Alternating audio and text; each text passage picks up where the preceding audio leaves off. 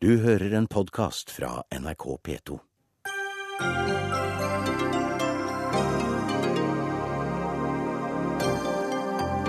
Historisk avtale mellom president Janukovitsj og opposisjonen skal hindre ny voldsbruk i Ukraina. Men er avtalen forpliktende nok? Regjeringen vil gi rabatt til sykehjemspasienter som må bo på dobbeltrom. Dette gjør det vanskeligere å bli kvitt dobbeltrommene i eldreomsorgen, sier Pensjonistforbundet. Og stadig flere av oss legger om til glutenfritt kosthold for å bedre helsa.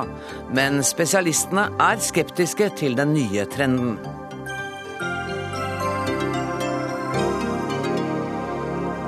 Dette er fredagsutgaven av Dagsnytt 18, der vi i dag også tar debatten om det er greit å bannlyse brunosten i barnehager. Det har de nemlig gjort i Horten. Men aller først. I Ukraina har presidenten og opposisjonen inngått en avtale som bl.a. skal hindre nye voldshandlinger og sørge for at det blir etablert en nasjonal samlingsregjering innen ti dager. Presidenten har også gått med på at det skal skrives ut nyvalg innen desember. Korrespondent Hans-Wilhelm Steinfeld, aller først har jeg lyst til å spørre deg, hvordan har dagen i dag vært i Kiev? Det har vært rolig, men jeg har eh, snakket med de mest eh, kampvillige på barrikadene og de har null tillit til denne avtalen. En eldre pensjonist sa det at eh, skal det bli nyvalg, så må de være ærlige. Og det må i hvert fall ikke være slik at folket blir solgt som vare, slik det har skjedd. En prest Sergej av den røde ortodokse kirken sa at folk nå må få tilbake det demokratiet som ble fratatt dem for fire år siden. Og de mener da at denne avtalen ikke garanterer at demokratiet blir gitt tilbake til folket? Det er en dyp mistillit til Janukovitsj evne til å holde avtaler noe opposisjonen særlig smertelig følte da han løp fra avtalen med EU i oktober under toppmøtet i Vilnius. Mannen er to ganger straffedømt for vold. Veldig høy rating har han ikke blant intellektuelle i Ukraina. Men det er unison på barrikaden og på Maidan-plassen at både den ukrainske russiske eliten rundskjal folket som står bak med snott i nesen, og nå knytter håpet seg til ungdommen. Du, Nasjonalforsamlingen i Ukraina skal også stemme over om de skal avsette innenriksministeren som følge av volden under demonstrasjonene. Hva mer vet du om det? En ren scapegoat, en ren syndebukhandling. Parlamentet er veldig opprørt over denne avtalen, fordi svært mange av dem risikerer ikke å bli gjenvalgt. Og da er det slutt på et liv som korrupt og privilegert lovgiver. Et problem som eksisterer både i Ungarn, i Ukraina og i Russland. Det er også kommet meldinger i dag om at det er vedtatt en lov som åpner for at opposisjonsleder Julia Timosjenko kan løslates. Hvor realistisk er det? Det er veldig realistisk hvis det blir en samlingsregjering. Men her er jo kaoset så enormt Anne Gråsvold, at for to uker siden nekt, eller i januar så nektet opposisjonen å ta over regjeringsansvaret. Så dette er en meget skjør borgfred, for å sitere Polens utenriksminister Sikorski i dag. Det ble slåsskamp i parlamentet i dag, også da Grunnloven skulle diskuteres. Går det an for deg, jeg vet at det er komplisert, men går det an å si kort om hvem denne opposisjonen i Ukraina er? Ja, Opposisjonen er jo selvfølgelig særlig partiet til Arsenij Jatsenjuk, som heter Fedrelandspartiet. Og mot eh, dette står naturligvis eh, regionpartiet til Janukovitsj. Og det er jo opposisjonelle som ønsker, hva de nå endelig fikk til, at det skal bli en retur til grunnloven av 2004, der den grunnleggende makten i Ukraina ligger hos parlamentet og ikke hos presidenten. Tusen takk for at du var med i eh, Dagsnytt 18 denne gudskjelov-kvelden, Hans-Wilhelm Steinfeld. Utenriksminister Børge Brende, eh, deler du eh, Steinfelds syn på at dette er en skjør avtale? Det er en skjør avtale pga. at det er alltid usikkerhet om gjennomføringa av avtaler i Ukraina. Det som nå er festa på papiret, ser jo bra ut. Eh, det å gjeninnføre grunnloven fra 2004 ribber jo faktisk eh, president Janukovitsj for veldig mye makt. Da går du fra et presidentstyre til et mye mer parlamentarisk styre. Det er bra om det kommer da en samlingsregjering på plass innen ti dager. det er veldig bra at man da også stiller til ansvar de som har blod på hendene, mm. i forhold til det vi har sett i da Kievs gater de siste ukene. Og jeg må berømme EUs tre utenriksministre fra Tyskland, Polen og Frankrike, som har greid å fremforhandle denne avtalen. Men, er det de som har greid å fremforhandle? Er det de som er liksom mellommennene og fått dette til? Det er jo resultatet av tre måneder mm. med demonstrasjoner, nærmere 100 menneskeliv som er tapt, for at man nå da, uh, og som har endt i dette. Men EU har vært instrumentell i å få dette til? Det har vært en fasilitator mm. nå i de siste dagene uh, for å få dette på plass. Det som er en ukjent faktor her er jo hvordan Russland vil spille inn. De har jo ikke undertegna denne avtalen, og dette er jo faktisk nå et spill om eh, Ukrainas eh, fremtid. Skal Ukraina gå mot EU og Europa, eller skal de velge en tollunion med Russland, Kasakhstan, eh, Armenia og Moldova? Dette er jo et storpolitisk spill. Et spill om hvordan Europa skal se ut fremover. Og det folket reagerte på for tre måneder siden, var jo at Janukovitsj Eh, avgjorde dette fem på tolv uten å spørre sitt folk. Og ungdommene som jeg sjøl har møtt på Maidanplassen, eh, sa jo at eh, det at vi har fått på plass en kortsiktig avtale som er god økonomisk med Russland, spiller ingen rolle for oss. For vi skal leve i dette landet ikke på kort sikt, men vi skal leve her i 70-80 år. Og da mener de at de tilhørte Europa, og de ville få lov til å si hva de mente om dette i en folkeavstemning. Eh, Halvor Kjønn, du er utenriksjournalist i Aftenposten. Og nå eh, kommenterer jo utenriksministeren nettopp det som din artikkel handler om i dag, det geopolitiske spørsmål, eh, og det som du snakker om, den euroasiatiske tenkningen til Putin. Er den, er, sånn som du sier, er Ukraina rett og slett bønder et, på et sjakkbrett nå? Noen i Moskva ser det jo slik, og det er vel eh, Man kan kanskje frykte for at noen også i Vesten ser det slik. Mens eh, selvfølgelig ukrainerne selv de vil jo betakke seg for å bli betraktet som brikke på et sjakkspill. Og jeg tror det er det som blir veldig viktig nå. Det er et veldig dårlig tegn, tror jeg, at uh, utsendingen for Putin i Kiev nektet å undertegne på denne avtalen. Har, veldig... har, de sagt endelig nei? Nei, de har ikke sagt endelig nei. De har sagt de må se på den. Eh, men de har i hvert fall ikke undertegnet, i hvert fall ikke inntil for en halv time siden. Eh, og det er ikke noe godt eh, tegn. Det har vært mye bedre om også Moskva var med på denne avtalen. Fordi at det er jo klart at Ukraina, i hvert fall etter mitt syn, kan jo ikke uten videre kutte båndene til landene i den tidligere Sovjetunionen, i hvert fall ikke økonomisk. og uten å integrere seg med Vesten. Dette er en ganske lang og smertefull prosess, og her ligger det en del tunge realiteter bak som det ikke er så lett å hoppe bukk over for ukrainerne. Eh, og veldig mye av handelen og den økonomiske virksomheten er jo innrettet på det russiske markedet. Og dette er, et, dette er et faktum. Men er det sånn at Ukraina står overfor valget Vesten eller Russland? Eh, jeg håper jo det at eh, det ideelle og det beste for Ukraina ville jo vært det at både Russland og eh, Vesten innså hvor viktig det var å få til en fornuftig økonomisk utvikling i dette landet. Og at man hadde en dialog og gikk sammen om dette, og at dette ikke ble da et sånt nullsumspill hvor det den ene vant mener den andre at den er tapt. Mm. For det at da vil jo Ukraina bli en, et slagfelt mellom Brussel og Moskva. og det eh, det, for å si det på, som man pleier å si det i det slaviske språklige området, det måtte Gud forby. Også Marit Befring, du er NRKs europakorrespondent. Eh, hvordan er nyhetene om at partene har inngått en avtale blitt mottatt i EU? Ja, Den har blitt mottatt med gratulasjoner og rosende ord og blitt eh, omtalt som et nødvendig kompromiss. Eh, og at det er et skritt for å unngå mer blodbad og vold, eh, sa EU-kommisjonens president José Manuel Barroso for kort eh, stund siden. Eh, og så er det også da et håp om at at man vil få frie valg innen rimelig tid, da, selv om det ikke er, er satt noe tidspunkt for, for presidentvalget. Men samtidig så krever man herfra at de ansvarlige for drapene og bruddene på menneskerettighetene blir stilt til ansvar. Eh, det krever bl.a. Sveriges utenriksminister Carl Bildt, som for to dager siden sa at eh, president Janukovitsj har blod på hendene. Så EUs politiske ledere holder ham eh, ansvarlig for voldshandlingene. Og så har de altså vært med nå, disse tre utenriksministrene, og meklet frem den avtalen vi nå ser. Er dette også et tegn på at EU vurderer situasjonen slik at Ukraina nå beveger seg mer i retning av det vestlige enn det russiske? Ja, Det er kanskje altfor tidlig å si. Altså, de, de, har jo fortsatt sagt at denne døra er åpen. Eh, så eh, de vil jo ikke utelukke noe samarbeid eh, med Ukraina.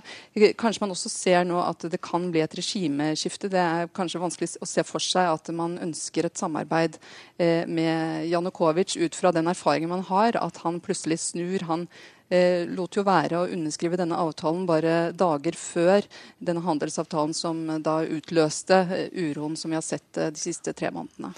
Anders Tvegård, du er vår korrespondent i Washington. Hvordan eh, håndterer USA situasjonen i Ukraina nå? Det hvite hus har sendt ut en erklæring for en uh, halvtime siden der de ønsker avtalen velkommen, og at de gjerne ser at den settes ut i livet umiddelbart.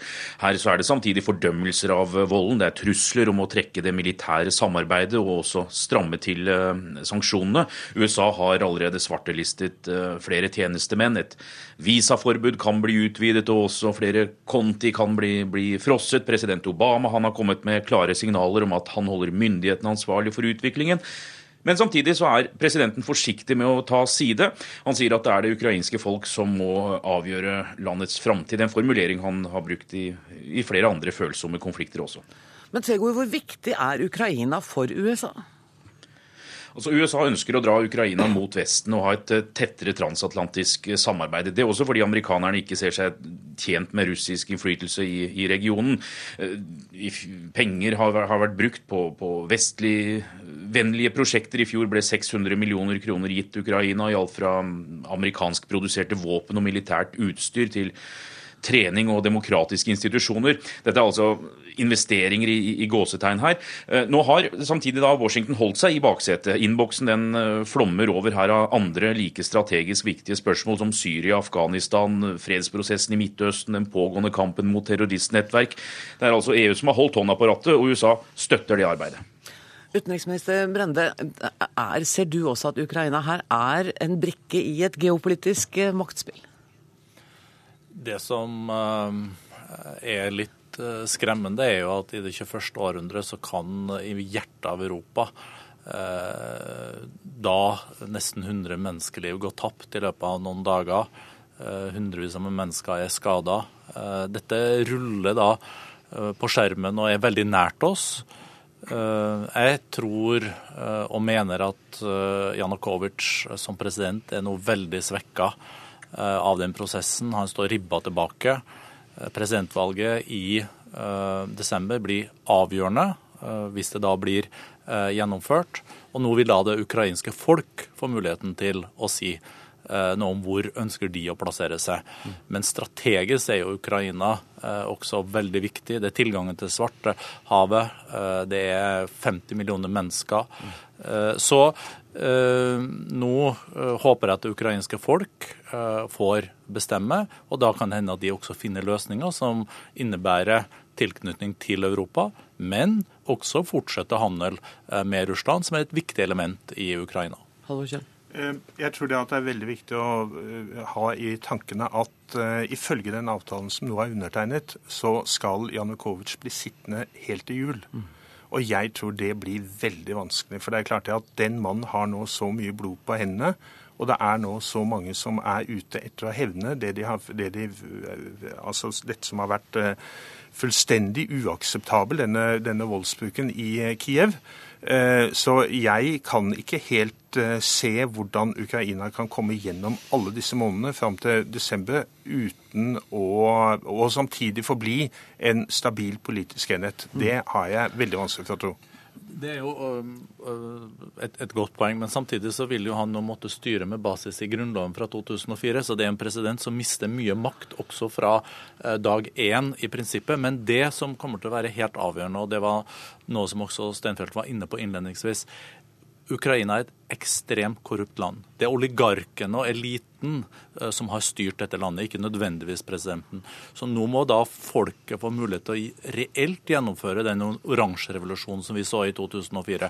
Og det er ikke noen få personer som da skal berike seg på bekostning eh, av de mange. Så jeg tror ungdommen, studentene, det er de som nå eh, må gjennomføre de reelle reformene, slik at man får en, den reelle revolusjonen. Kan skje nå. Det kan selvsagt bli tilbakeskritt. Siste ord er ikke sagt. Og forhåpentligvis så vil dette skje uten at flere liv går tapt. Tusen takk til uh, alle de som var med i denne saken. Hans-Wilhelm Steinfeld, Åse Marit Befring, Anders Tvegård, Børge Brende og Halvor Kjønn. Dagsnytt 18 alle hverdager kl 18.00 på NRK P2 og NRK2.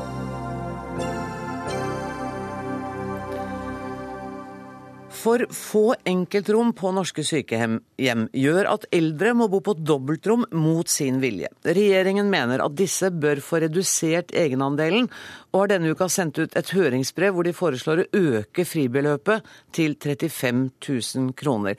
Tale Jordbakke, du er kommunikasjonssjef i Pensjonistforbundet, og jeg har skjønt at dere er ikke spesielt fornøyd med dette forslaget? Nei, vi mener at dette er et steg i feil retning. For dette handler først og fremst om verdighet. Og vi er redd for at, sånt, at et sånt forslag vil bli en sovepute for kommunene. Men nå er det jo veldig få, eller veldig få, det er få det gjelder. For dette gjelder jo de som er, har langtidsopphold på sykehjem.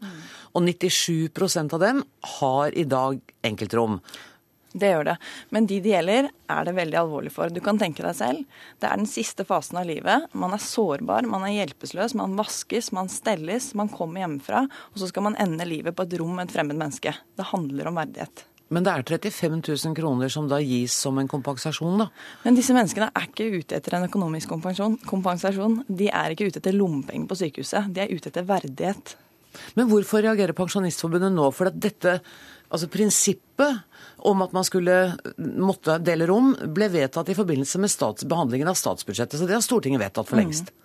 Ja, det har de vedtatt. Men vi har vært opptatt av denne saken hele tiden. De har vedtatt det, men for 17 år siden ble det også vedtatt en eneromsgaranti, som seks regjeringer har hatt muligheten til å gjennomføre. Og denne regjeringen har gått høyt på banen, og vi håper at de skal komme med bedre forslag enn dette. Tone Wilhelmsen Trøen, du er helsepolitisk talskvinne i Høyre. Er det ikke litt uh, flaut at dere går tilbake på det som altså også tidligere borgerlige regjeringer har sagt at vi ikke skal ha noe av? Vi skal ikke ha dobbeltrom på sykehjem. Nei, men det mener heller ikke vi. Vi er ikke fornøyd med at man ikke er i mål med, med eneromssatsingen.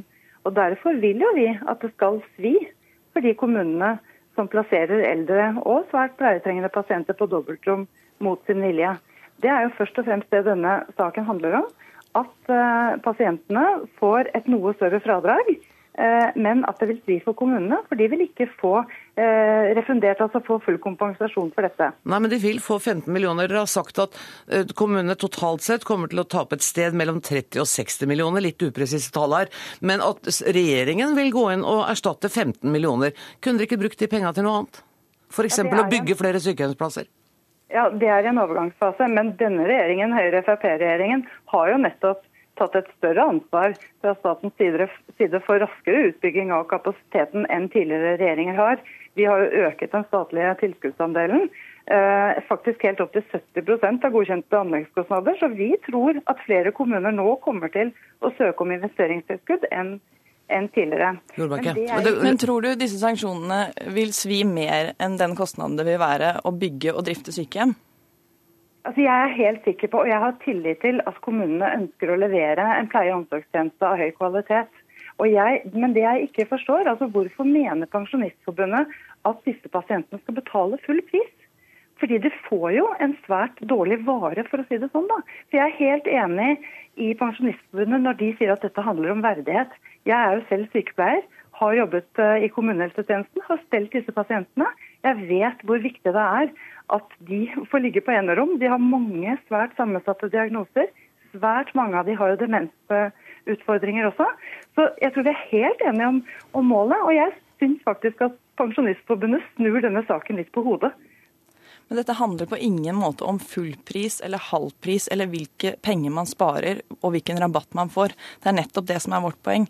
Altså, Vi har 220 000 medlemmer, vi vet hva de ønsker. Og de ønsker ikke ekstra penger i en sånn situasjon. De ønsker eh, pleie og omsorg. De ønsker, verdighet. De ønsker å få lov til å avslutte livet sitt. Eller altså være i en så sårbar situasjon på et rom alene uten fremmede mennesker til stede. Ja, og nettopp Derfor så er det jo slik at denne, denne ordningen vil jo svi for kommunene. Kommunene vil ikke få eh, kompensasjon for dette. Ikke fullt ut, nei. Men de vil få ca. halvparten. Ja, i år. Eh, for det halve året som er igjen i år, er jo disse 15 millionene som står nevnt i, i hørings, eh, høringsbrevet. Men hva, hva, slags tidsfrist ser du for deg da? For du sier at du er helt enig i at det er fullstendig uakseptabelt at mennesker i den situasjonen skal måtte dele rom med fremmede. Og da må dere vel ha tenkt gjennom hva, når skal det være slutt på dette? Ja, og Det er jo nettopp derfor vi nå har øket eh, andelen. Vår arv, altså Arven fra den forrige regjeringen var jo at de ikke klarte å innfri sine løfter på å gi eh, tilskudd nok til at kommunene klarte å, å, løfte dette opp og bygge både sykehjemsplasser og, og omsorgsboliger. Men jeg skulle, ønske, jeg skulle, også ønske, at Pensjonistforbundet kunne se mer, litt mer helheten i regjeringens politikk. For når vi snakker om en verdig eldreomsorg, så er det jo også veldig viktig å ha høye ambisjoner for kvaliteten i omsorgen, i tillegg til kapasiteten. Og det er nettopp kvalitet dette her handler om. Det er vi helt enig i. Og jeg lurer på, når du sier det, hvilke sanksjoner ser du da for deg for kommunene og de som ikke klarer å følge opp dette? Sanksjonene ligger jo der fordi at man vil faktisk få lavere inntekter nå eh, om man eh, velger å la pasienter ligge på dobbeltrom mot sin vilje. Jeg synes faktisk det er uverdig at vi skal la disse pasientene betale full pris for å få en vare eller få en pleie som vi alle er enige om at ikke, ikke er god nok. Men det handler ikke om økonomi, det handler ikke om prisen man betaler. De er ikke interessert i en rabatt. Det er ikke det de vil ha. De vil ha et rom for seg selv. Men på samme måte så vil det jo nå være, være svært lite lønnsomt for kommunene å fortsette med dette. Så hvis du kombinerer dette med at de faktisk får færre inntekter eh, fordi eh, egenandelen øker, eller, eller motsatt, egenandelen blir lavere, samtidig med at denne vår regjering har tatt helt aktive grep for å øke det statlige ansvaret for raskere utbygging, så mener jeg vi vil se gode resultater på sikt. Men du, Vi kan ikke se dette på en annen måte, det er mulig jeg er helt på jordet nå, men at kommuner heller vil øke antallet dobbeltrom. Selv om de får noe redusert inntekt per pasient, så vil de jo kunne effektivisere pleien med at det er to og to på rommene, og at man kunne få flere pasienter inn.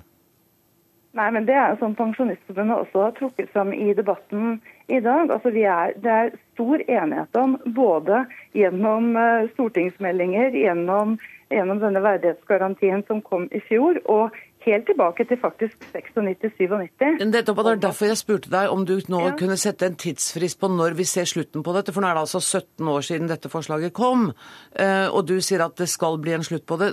Opererer dere med en tidsfrist her?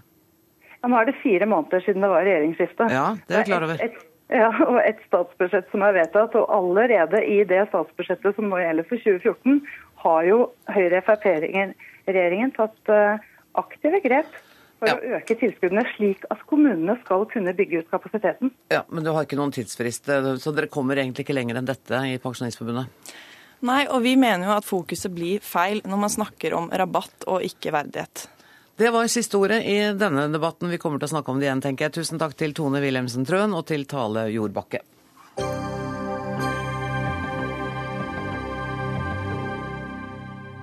Mannen som blir Italias nye statsminister, Matteo Renzi, kommer i ettermiddag til presidentpalasset i Roma. Det er ventet at han formelt blir utnevnt til statsminister, og at han skal fortelle hvem som skal sitte i regjeringen. Ingeborg Moe, du er europakorrespondent i Aftenposten. Har Matteo Renzi kommet ut av presidentpalasset ennå? Så vidt eh, jeg kan se, så har han ikke kommet ut enda. Det har ikke kommet noen nyheter om eh, hvem som sitter i regjeringa enda, annet enn det som var lekka ut på forhånd. Så det venter man på fremdeles. Var det noen overraskelser i lekkasjene? Altså Det som var det viktigste navnet, var, og som vi ennå ikke har fått bekrefta, var jo navnet på den nye finansministeren, som eh, ifølge ryktene skal være en som heter Pierre Carlo Paduan, som i dag er økonomisjef i OECD. Og som er en viktig person, fordi at det handler jo mye om økonomien i Italia framover. Um, Steinar Stjerne, du er professor i sosialpolitikk ved Høgskolen i Oslo. Paduan er den ene lekkasjen, den har vi også fått med oss. Har du sett noen flere, eller? Ja, det virker som om de tre representantene fra det som heter det, det nye sentrum Høyre, altså koalisjonspartneren, er klare. Og det er gjengangere fra den forrige regjering. Og så tyder alt på at det, utenriksministeren blir den samme, nemlig den, Emma Bonino fra det radikale partiet. Og så er resten spekulasjoner. Men du, La oss snakke litt om denne nye statsministeren. Hvem er Matteo Renzi? Ja, Han er et spesielt dyr til å være italiensk politiker. Han er for det første spesielt ung, 39 år. Som hans, en av hans forgjengere sa, Berlusconi, dette, denne mannen er jo halvparten så gammel som meg. Dessuten så er han utdannet jurist. Han har sin politiske erfaring fra Toskana og Firenze de siste fem årene som ordfører i, i Firenze, der han har fått gjennomført ganske mye.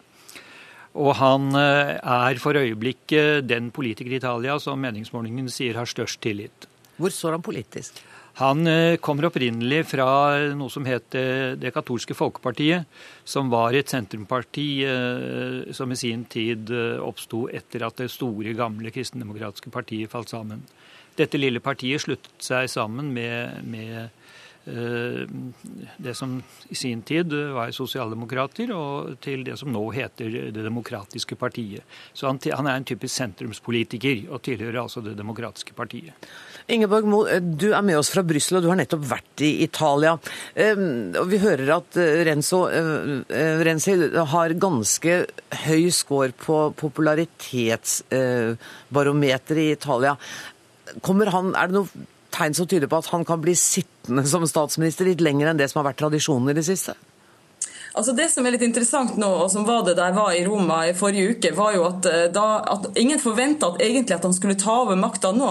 Altså Han ble jo valgt som leder i dette demokratiske partiet rett før jul. Mm.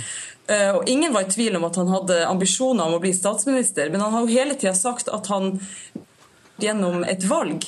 Men så uh, skjedde det jo da uh, plutselig at han Eh, ja, utfordra den sittende statsministeren, som kommer fra hans eget parti, og eh, tok over makta.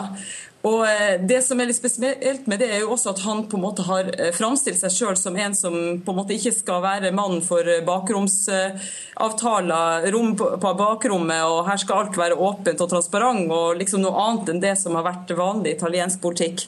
Men eh, altså han eh, Og han har jo nå ut, eh, sagt at han skal gjennomføre masse reformer på 100 dager, bl.a. også en valgreform som han gjerne vil ha på plass før det blir nyvalg. Så, men vi vet jo ikke. Kanskje blir det nyvalg neste år. Men kanskje vil han sitte helt ut den sittende perioden som vel er til 2018. Mm. Men, men, det vi må huske på er jo at han har den samme veldig skjøre, uh, skjøre parlamentariske grunnlaget som Enrico Letta, hans forgjenger, hadde. Derfor er det veldig åpent når det blir eh, nytt valg. Og, og, veldig mye vil avhenge også i hvilken grad han klarer å gjennomføre alt det han har lovd. Ja, og Stjerne, Han høres ut til å være en reformivrig mann. Du, du refererte til hva han har fått gjennomført i Firenze. Nå ser det ut som han vil ha enda større nasjonale reformer. Hvordan er mulighetene?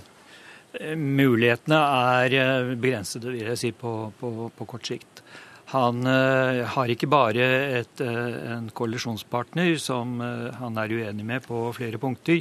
Han står også overfor et parlamentarisk system som består av to kamre, hvor begge kamre må være enige for å få gjennomført noe. Slik at politiske prosesser blir, blir fryktelig lange i, i Italia. Videre så har han en intern opposisjon i sitt eget parti å, å, å diskutere med. Og så til slutt så er det jo slik at de økonomiske rammene er jo sterkt eh, begrensede da. Det er, eh, de, EU eh, e passer på at de ikke bruker mer penger enn det EUs vedtak tidligere har sagt de, de kan gjøre. Og Det betyr jo at det er nødvendig å øke skattene for å skape inntekter, eller å skjære i, i offentlige utgifter. Det vil i dette tilfellet eh, for ens i værnærlingen da å skjære i det offentlige byråkratiet. Alt dette er, er vanskelige eh, saker i Italia, og, og faren for at han med sin, sine ambisjoner og sin enormt store energi og, og pågangslyst og hans enorme utålmodighet, at det kan skjære seg mot eh, disse klippene han står overfor, de er rimelig store. slik at jeg er helt enig her at dette, her kan det bli eh, nyvalg altså hvis, dette, hvis han ikke holder farten. Så det er ikke nok å være sammenlignet med Tony Blair og ha en karismatisk framtreden? Nei, fordi karisma kan slites ned. Og det som ofte skjer med italienske politikere, er at deres popularitet, når de kommer i ansvarlige posisjoner, blir slitt ned, og de blir identifisert med resten av det politiske etablissementet, som det rår en veldig, veldig sterk mistillit til i Italia. Ingeborg Moe, helt til slutt. Eh, hvordan stiller EU seg til denne nye statsministeren? Har det kommet noen signaler på det i det hele tatt? Eh, nei, altså det EU eh, hadde et veldig godt forhold til eh, Enrico Letta, som hadde tillit i Brussel.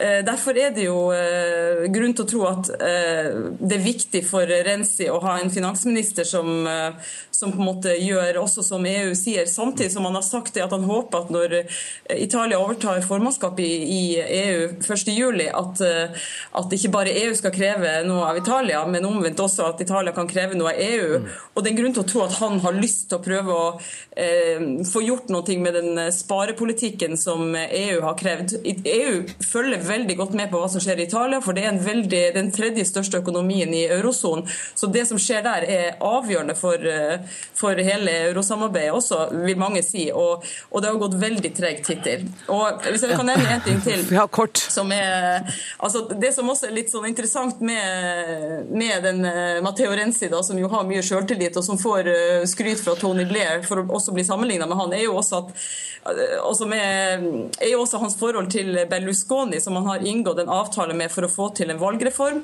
Og Berlusconi på en måte skjuler ikke at han Eh, på, en måte, på en måte ser, eh, er positiv til Renzi og beundrer han, men samtidig er jo en veldig uforutsigbar faktor i italiensk politikk. Ok, der, du, der, må, der må, jeg sette strek. Tusen takk for at ja. du var med i Dagsnytt 18, Ingeborg Moe, europakorrespondent i Aftenposten, og Steinar Stjerne, professor ved Høgskolen i Oslo og Akershus.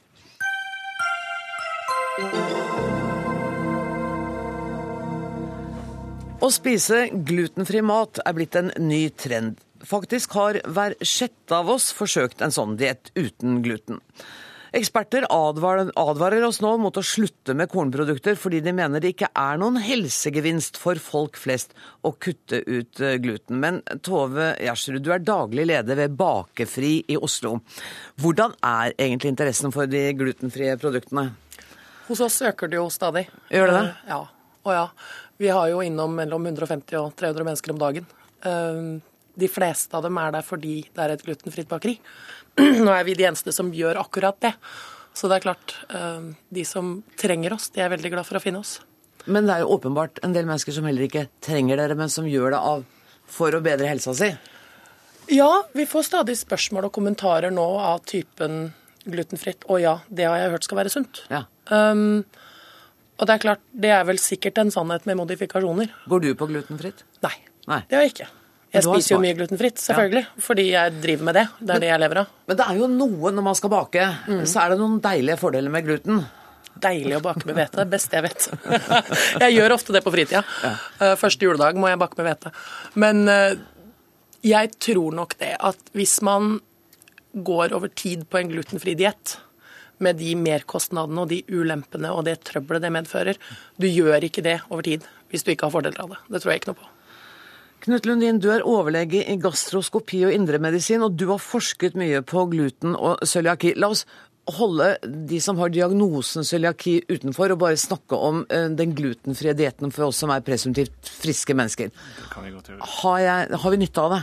det? Blir jeg gladere, friskere, bedre av det? Ja, Det kan jo ikke jeg motbevise at du blir, hvis du skulle starte med glutenfri kost. Og det er heller ikke helt vår vår tanke. Altså jeg er indremedisiner, jeg er lege. Eh, jeg eh, tenker jo sånn så at, og har sagt også uttalt at så mange mennesker kan jo ikke ta så feil. Det er det for det første. Vi vet at det er veldig veldig mange som spiser glutenfritt. Samtidig så vet vi jo at mennesker har spist gluten i veldig mange år, og det finnes ikke noe signal i noen helseparametere som noen kan måle, som tilsier at vi må slutte å spise gluten. Så, så den beviset mangler i hvert fall. Men bare for å presisere litt. Gluten er et protein. og Det finnes ikke bare i hvete, som noen ser ut til å tro. Nei, altså gluten er jo lagringen sin i hveten, som hveten bruker når den spirer. Og, og, og, så det er, et, det er, et, lagringsprodukt der. Det finnes i hvete, rug og bygg. Havre er det nærmest beslektede, men der er det knapt gluten. Det er ikke gluten i havre. Så hvis du skal leve helt glutenfritt, så må det være uten bygg og rug? Hvete, rug og bygg. Nettopp. Og alle mikser spelt, f.eks., er det også gluten i. Det er det også gluten i? Absolutt. Det er jo en vanlig hvete, eller en variant av hvete. Hva er det friske folk mener de skal oppnå av helseeffekter ved å leve glutenfritt? De føler seg bedre. De, de, de, som har det slik, de fremhever at de føler seg klarere i hodet. De har mindre problemer med maven. Akkurat det med maven tror jo vi at vi har en ganske god forklaring på. Eller muligens en god forklaring på. Men det debatteres jo veldig mye innenfor mitt fagfelt, som altså er cøliaki, glutensensitivitet og reaksjoner på mat. Men hva er det med maven? Hvilken god forklaring er det dere har? Nå ble jeg nysgjerrig. Jo, jo, jo, jo, det er en trend som tilsier at karbohydrater karbohydrater, er, altså sukkerarter, at det er det som egentlig er problemet. Eh, når det gjelder glutenfri kost, er det jo ingen som har vist entydig at det er gluten. Men at det er noe i brødet som spiller rolle, det kan meget vel være. Og det kan jo være det at gluten det å kutte ut gluten i og for seg blir likt, likt det å være low carb, eh, som mange også sier de blir veldig bra i maven av. Og Der finnes det en, en felles link, da, hvor man tenker seg at sukker kommer ned til tarmen, der er det bakterier, det gir en reaksjon i tarmen, og så føler man seg dårlig. Og så er det noen som ikke helt vet forskjellen på glutenfritt og lavkarbo. Det, det går litt i ball for enkelte av oss som ikke er fagmennesker. Det tror jeg også. Um, Knut Petterson, du er generalsekretær i Norges cøliakiforbund. og Du går i hvert fall ikke sur i hva gluten er. Din organisasjon må jo være glad for denne voldsomme interessen for økt produksjon av glutenfri mat? Helt klart. Eh, for oss ser vi veldig, veldig mange positive aspekter ved det som skjer. Eh, to av de viktigste oppgavene vi har i Cøliakiforeningen, er jo nettopp å øke kunnskapen om glutenfrie produkter og glutenfri mat, og dette med å øke tilgjengeligheten. Og det er klart at Når flere spør, så får vi større interesse. Mm. Og det blir flere produkter på markedet, og det blir flere aktører som selger produktene. Men det er jo et ganske dyrt alternativ, da? Ja, det er det. Det koster mer. Det er ingen tvil om det. Eh, enn eh, sammenlignbare produkter. Og så er det, Man får noe støtte fra Nav når man har fått eh, diagnosen cøliaki? Ja. Og det er ca. 20 000 i Norge som har den? Ja. Hvor store, altså Aner vi noe om hvor stor sykdommen er i utbredelse egentlig?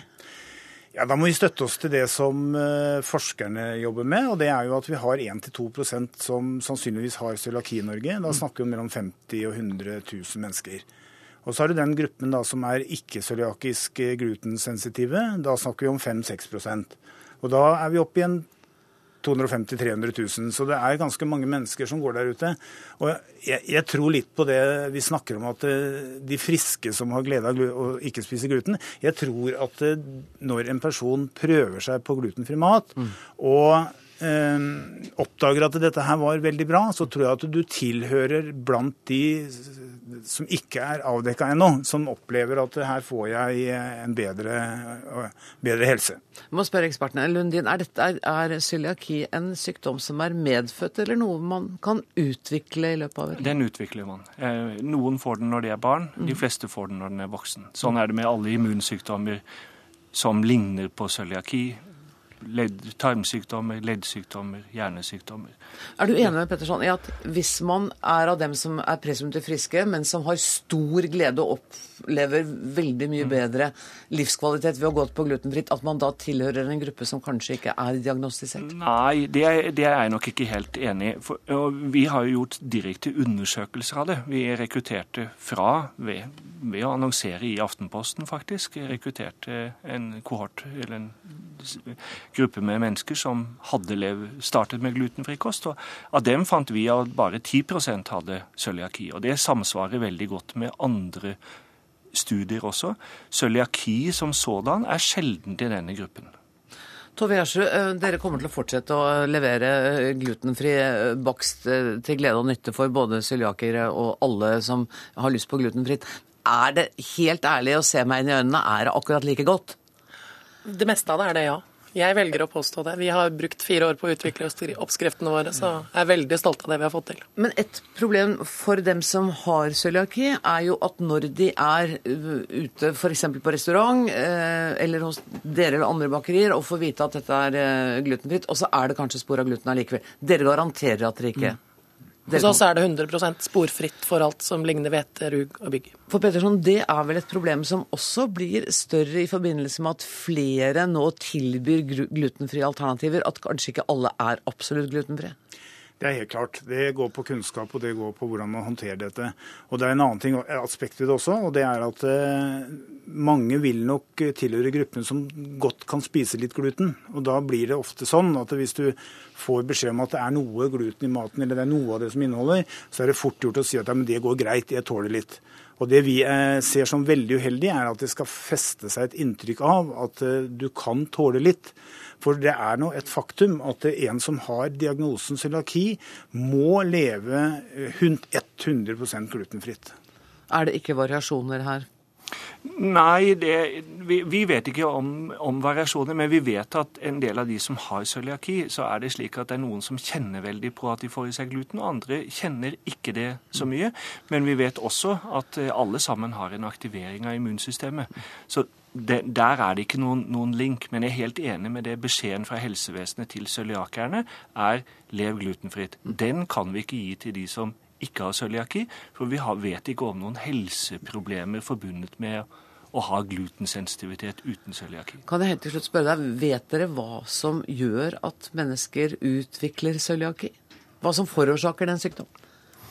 Eh, det blir et veldig langt eh, okay. svar, men vi vet veldig mye om det. men ikke akkurat hvorfor den starter. Så vi vet veldig mye om hva som skjer, men vi leter veldig etter hva det er som setter den i gang. Og det finnes ikke noen tabloid variant av forklaringen, så da tror jeg vi lar det stå ute. Du ba om ordet helt til slutt her. Ja, fordi jeg ville bare få lov til å si at om man som jeg leste i D2 i dag, at noen kaller det sludder og vrøvl. Mm. At noen ikke tåler gluten bare fordi de ikke har en diagnose. Jeg syns det er fryktelig dumt å ikke ta på alvor de som opplever at de får en bedre helse av å spise mindre gluten. For det tror jeg nok også mange kan ha godt av. Det tror jeg de to herrene på din side også er enige om. Tusen takk for at dere kom til Dagsnytt 18, Knut Lundin, Tove Gjersrud og Knut Petterson. Takk skal du ha. Hør Dagsnytt 18 når du vil Radio NRK NO. Zimbabwes president Robert Gabriel Mugabe feirer 90 år i dag. 33 år etter at han ledet frigjøringen av landet, er eh, Zimbabwe kjørt på felgen. Men 90-åringen har ingen planer om å gi seg som president med det første. Journalist og forfatter Mikael Verven Hem, du har skrevet boka 'Kanskje jeg kan bli diktator', der du bl.a. skriver om Robert Mugabe. Er han en diktator etter ditt syn? Eh, det er han uten tvil. Han er nok et av de tydeligste eksemplene på det.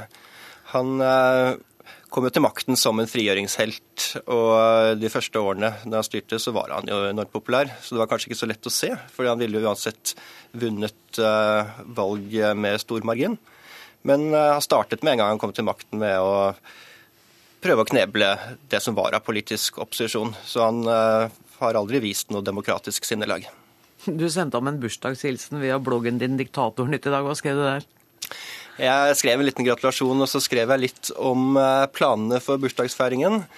Han er i eh, Singapore nå for å opereres for grå stær, i hvert fall offisielt. Noen hevder at det er for kreft. Eh, men på søndag så skal det være en stor fest på en stadion i byen Marondere. Ok, skal, Hva slags fest er det?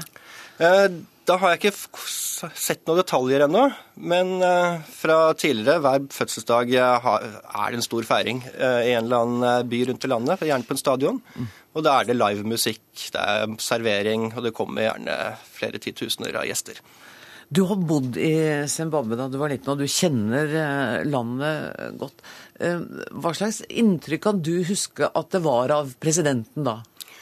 Eh, Jeg bodde der på slutten av 80-tallet, da det fortsatt var relativt velstående, og Mugabe fortsatt ble sett på som en av regionens gode ledere. Eh, Så, og den gangen så var eh, Zimbabwe rikere enn nabolandene. Det eksporterte mat.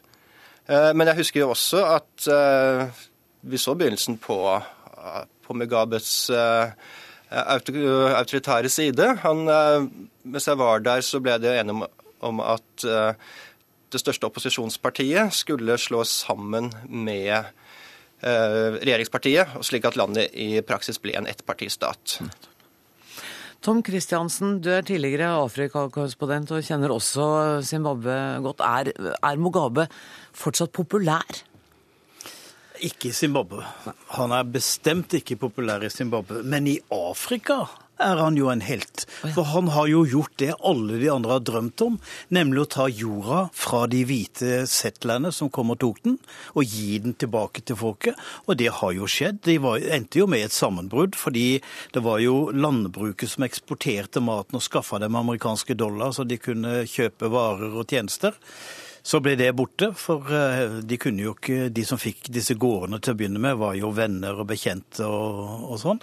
Etter hvert så er jorda blitt fordelt mer rettferdig ute blant folk. I dag produserer disse småbrukerne like mye som eh, de eh, hvite bøndene, men de, de selger ikke til Europa, de spiser maten selv. Men det har jo vært et land på rask marsj mot katastrofen, med skyhøy inflasjon, med enorm fattigdom, med uro og fortvilelse. Jeg har inne på kontoret mitt en seddel på 100 trillioner Zimbabwe-dollar, det er 14 nuller der, for det kunne du få kjøpt et brød på slutten. Nå bruker de amerikanske dollar. Hele økonomien brøt sammen, og det var Mugabes eh, skyld. Eh, Men grunnen til at han okkuperte jorda og ga det til venner og kjente og soldater og, og vanlige folk, det var at britene, Tony Blair, brøt avtalen de hadde inngått, nemlig at britene skulle betale kompensasjon til de hvite farmerne. Det sluttet eh, Tony Blair med, og dermed måtte Mugabe Han hadde ikke penger til å finansiere dette, og dermed så bare ga han vekk jorda. Og så kom sammenbruddet. Da fulgte også noe som ikke var like bra. Det var eh, en usedvanlig brutal måte å ordne opp opposisjonen. Han hadde en ungdomsmilits, sin egen Hitlerjugend, som altså hadde frihet til å gjøre hva de ville. Politiet kunne gjøre hva de ville, og de bare snudde ryggen til. Alt dette her var en del av Mugabes brutalitet, som noen så tydeligere enn andre. Jeg så det ikke når jeg bodde der som journalist. Jeg, jeg har rapportert så mye feil om det landet. fordi du så ikke hva som skjedde bak kulissene, og hvilket maktspill han drev, og hvordan han behandla folk som ønska seg opp og fram. For som korrespondent var du på en måte midt i orkanens øye, Ja, og, og, og så det ikke. Men, men samtidig så er det jo et faktum at han har blitt sammenlignet med Mandela. Å ja. Da han da de hadde fått avtalen og han var valgt til president i 1980, da sto han på stadion i Harare, og så sier han Vi har kjempet, vi har blødd, vi har drept hverandre. Fra i dag er vi alle brødre. Så gikk han til Jean Smith, som var den avgåtte statsminister, og sa This is the jewel of Africa. Dette er juvelen i Afrika. Dette skal vi ta vare på. Kan jeg få overta fire av dine statsråder i min regjering? Jeg vil bygge den broa, osv. Og så garanterte han at Jens Smith skulle få plass i parlamentet. Og så ble alt dette mandeleriet borte. Det ble altså, Når du plutselig blir pressa utenfra, så har, du ikke, så har du ikke plass og tid til forsoning og sånne ting. Da må du kjempe for makten. Og han har hatt det ønsket at han skal være på maktens tinde helt til han dør, og det gjør han vel muligens en dag. Mikael Weivenheim, det er jo diktatortrekk som Tom Christiansen også beskriver her, så her er dere jo enige. Men han vil jo gjerne fortsette å sitte ved makten, da. Eh, Ja, eh, det prøver han å holde seg til så godt han kan. Og det ser ikke ut som det er noe som truer eh, hans posisjon. Eh, Det man kan si, altså Han begynner jo, han er gammel, han er jo 90 år, og det har jo vært mange som har spekulert i helsa hans de siste årene. Også den mentale? Også den mentale. Eh, men samtidig ser han jo Når han opptrer offentlig, så ser han jo uforskammet frisk ut og energisk. Så det er, det er Muligheter for at han blir sittende et par år til? Det er mulighet for at han Hva blir sittende. Å, han har jo så flott stemme, ikke sant? og han er så retorisk bra. Han er jo så forførende at du på en måte har lyst til å tro på han. Men du veit jo det. altså Etter hvert som forstanden har begynt å skrumpe litt, så er det jo noen utsagn som er så bisarre at du kan liksom ikke gå god for det. Så det er ikke han egentlig som Han har noen rundt seg som eh, reelt sitter med makta, tror du? Gir beskjed om hva som skal gjøres, og han styrer alle små ting. Men de store tingene man hører, man lytter, og så gjør man det man skal gjøre. Og derfor retter økonomien seg også. Men, men når dere sier at uh, han er ikke populær i Zimbabwe, eh, hvordan kan man da tro at det skal bli en stormende og vellykket svær bursdagsfeiring? Men det er jo betalt. Nettopp. Altså alle de som kommer på de der stadionene Altså Noen kommer jo fordi det er gratis mat, og andre kommer fordi det er gratis drikke. Og alle de der dansedamene med sånne kjoler med bilde av Mugabe på rumpa, nei, de er jo betalt. De blir betalt hver gang han ankommer fra forskjellige Singapore-land og andre steder. Så står de på flyplassen og danser. Og nå på søndag så skal de stå og danse og få betalt og lunsj og buss hjem. Og så er det, altså Han har jo en krets rundt seg som tjener på at han eh, fortsatt sitter ved makten, som, folk som vil støtte han, og som han er veldig avhengig av. Så foreløpig ingen tegn på politisk svekkelse, i er hvert fall også av 90-åringen. og så er det så et eller annet med det at når han har delt ut jord til 100 000 mennesker, så er det jo noen av dem som syns at det var ålreit. Tusen takk for at dere kom i studio, Mikael Vervenhem og Tom Christiansen.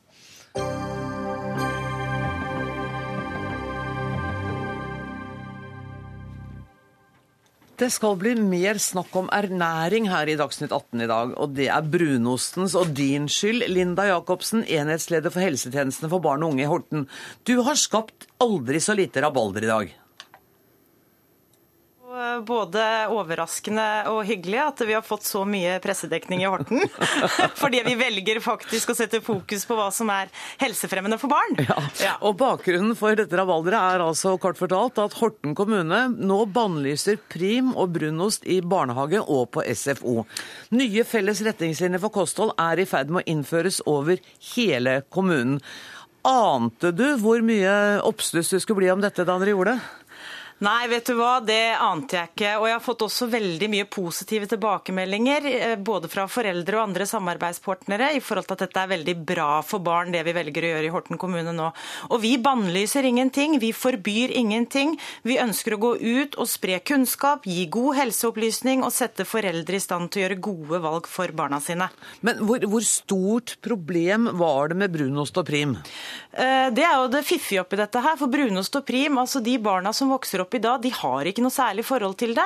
Og der hvor vi har fjerna det nå, så spør de heller ikke etter det. Så det er vår generasjon og de som er eldre enn oss, som, som bevarer denne brunosten som en nasjonalskatt. Eh, Og det kan vi godt fortsette å gjøre, men vi må vite hva det inneholder. Ja, jeg hørte til og med noen på Dagsnytt i dag som mente det var en katastrofe at brunosten kanskje kom til å bli borte. Men, men du, eh, du har sagt at brunosten inneholder ikke noe som barn kan nyttiggjøre seg, men er det ikke riktig at den inneholder jod? Den inneholder jod, og den inneholder også kalsium, men det er i begrensa mengder, og de næringsstoffene får vi også gjennom veldig mange andre eh, matvarer, bl.a. gulost og melk osv. Eh, brunosten inneholder veldig mye sukker og fett, og det er jo sukkeret vi må til livs nå blant barn og unge. Kirsti Vettre Brønner, du er leder for ernæringsseksjonen til eh, Tine forskning og utvikling. Hvor sinna er du for dette her, da? Eh, Først og fremst så vil jeg si at eh, det er flott av Horten kommune og av barnehagene at eh, de tar tak i hva barn spiser, og at de ønsker å inspirere til et sunnere kosthold. Eh, Så sunna, sinna er jeg på ingen måte. Eh, Det de sier her, er at jeg er opptatt av sukker i kostholdet, eh, og at man må begrense det til barn. Og det er vi veldig enig i. Det er veldig bra. Eh, Det man nok først, eller det som først og fremst er intensjonen her, er nok å ta de matvarene som bidrar med mye sukker, og lite næringsstoffer, altså de tomme kaloriene. Mm. Da tenker vi nok vi først og fremst på, på brus og saft og godterier og, og, matvarer som bidrar med lite næringsstoffer. Og der tenker jo vi ikke at brunosten er. Der er det altså en liten uenighet mellom dere. Men det, men det er jo, dere erkjenner jo at næringsinnholdet i brunosten er forsvinnende lite, bortsett fra denne joden og kalsiumet som vi snakket om. Nei, det er jeg ikke enig med deg i. Okay. det er riktig at brunost inneholder, har et naturlig høyt innhold av sukkerarter fra melka, eh, men den er også en eh, god kilde til protein av høy kvalitet, og kalsium og jod. Eh, og brunosten er faktisk i en særstilling fordi at jodet er veldig oppkonsentrert, og det er en god kilde til, til jod for mange barn. Og vi vet fra kostholdsundersøkelser at det er ganske mange barn som får for lite jod. Og en, en brødskive med brunost på, den dekker faktisk opp mot 40% av dagsbehovet for, for jod hos et barn i barnehage. Linda Jacobsen, har dere oversett dette poenget? Nei, Det har vi ikke. For jod finnes jo også i veldig mange andre matvarer, som f.eks. melk og gulost, som har dobbelt så mye kalsium eh, som det brunosten har. Og vi finner det også i smørost og andre typer meieriprodukter. Eh, og det er en ernæringsfysiolog som har satt sammen dette, denne kostholdsplanen for barnehagen og SFO-en, så vi føler oss veldig trygge på at den planen som er ute i kommunen nå, er godt næringsmessig sammensatt. Er dere redde for i Tine at eh, flere kommuner kommer til å gjøre det samme, og at salget av eh, brunost eh, går radikalt ned? Vil det bety noe for dere?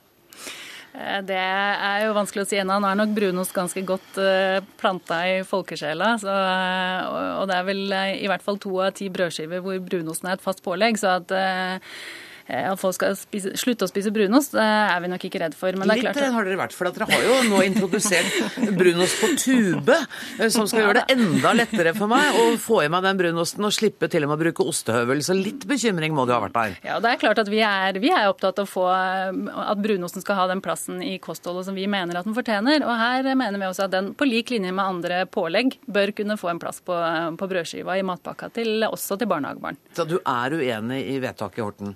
Jeg er veldig enig i intensjonen og at man skal legge til rette for sunnere kosthold, men jeg, er uenig i at brunosten ikke skal få være med.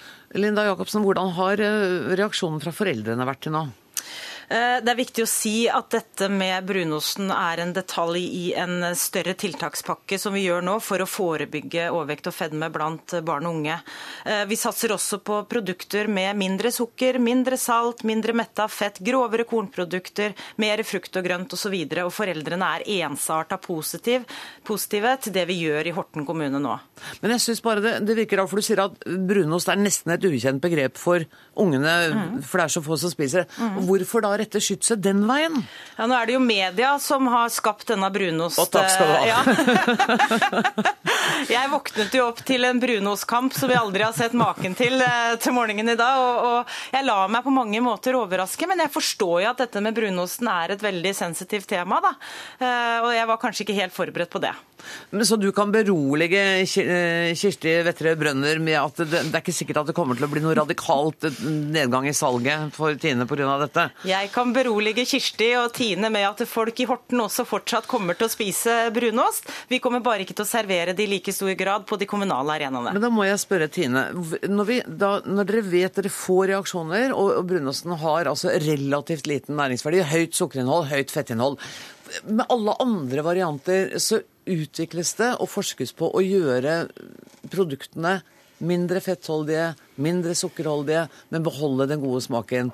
Eh, jeg vet at det finnes noe som heter G35. Men bortsett fra det. Det gjør det absolutt. og det, Man utvikler jo stadig nye varianter. Og man har, man har, mange ulike valg. Man kan velge gulost på noen skiver. Ja, men nå snakker brunosten. Jobber dere med å liksom gjøre den det, magrere og sunnere? Det gjør vi absolutt. Og det fins eh, ulike varianter, med, også med lavere fettinnhold. Um, det, men det er klart at den måten man lager brunost på, gjør at den har et høyt innhold av, av sukkerarter. Men du får også mye næringsstoffer på kjøpet. Så. Kunne man i det hele tatt tenke seg et Norge uten brunost? Etter det jeg hørte i dag på nyhetssendingene, så er jo folk, ville jo vært i harnisk hvis nasjonalsymbolet vårt ble borte.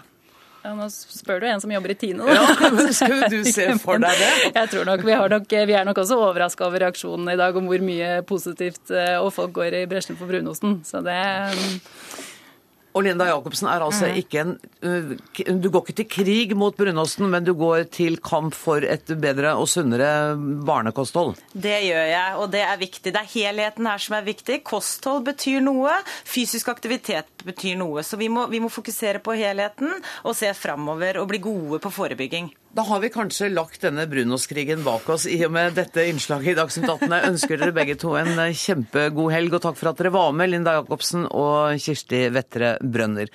Dagsnytt 18 er slutt, for vi skal også hjem og spise brunost. Det ansvarlige i dag var Dag Dørum. Det tekniske ansvaret har Beate Haugtrø. Jeg heter Anne Gråsvold.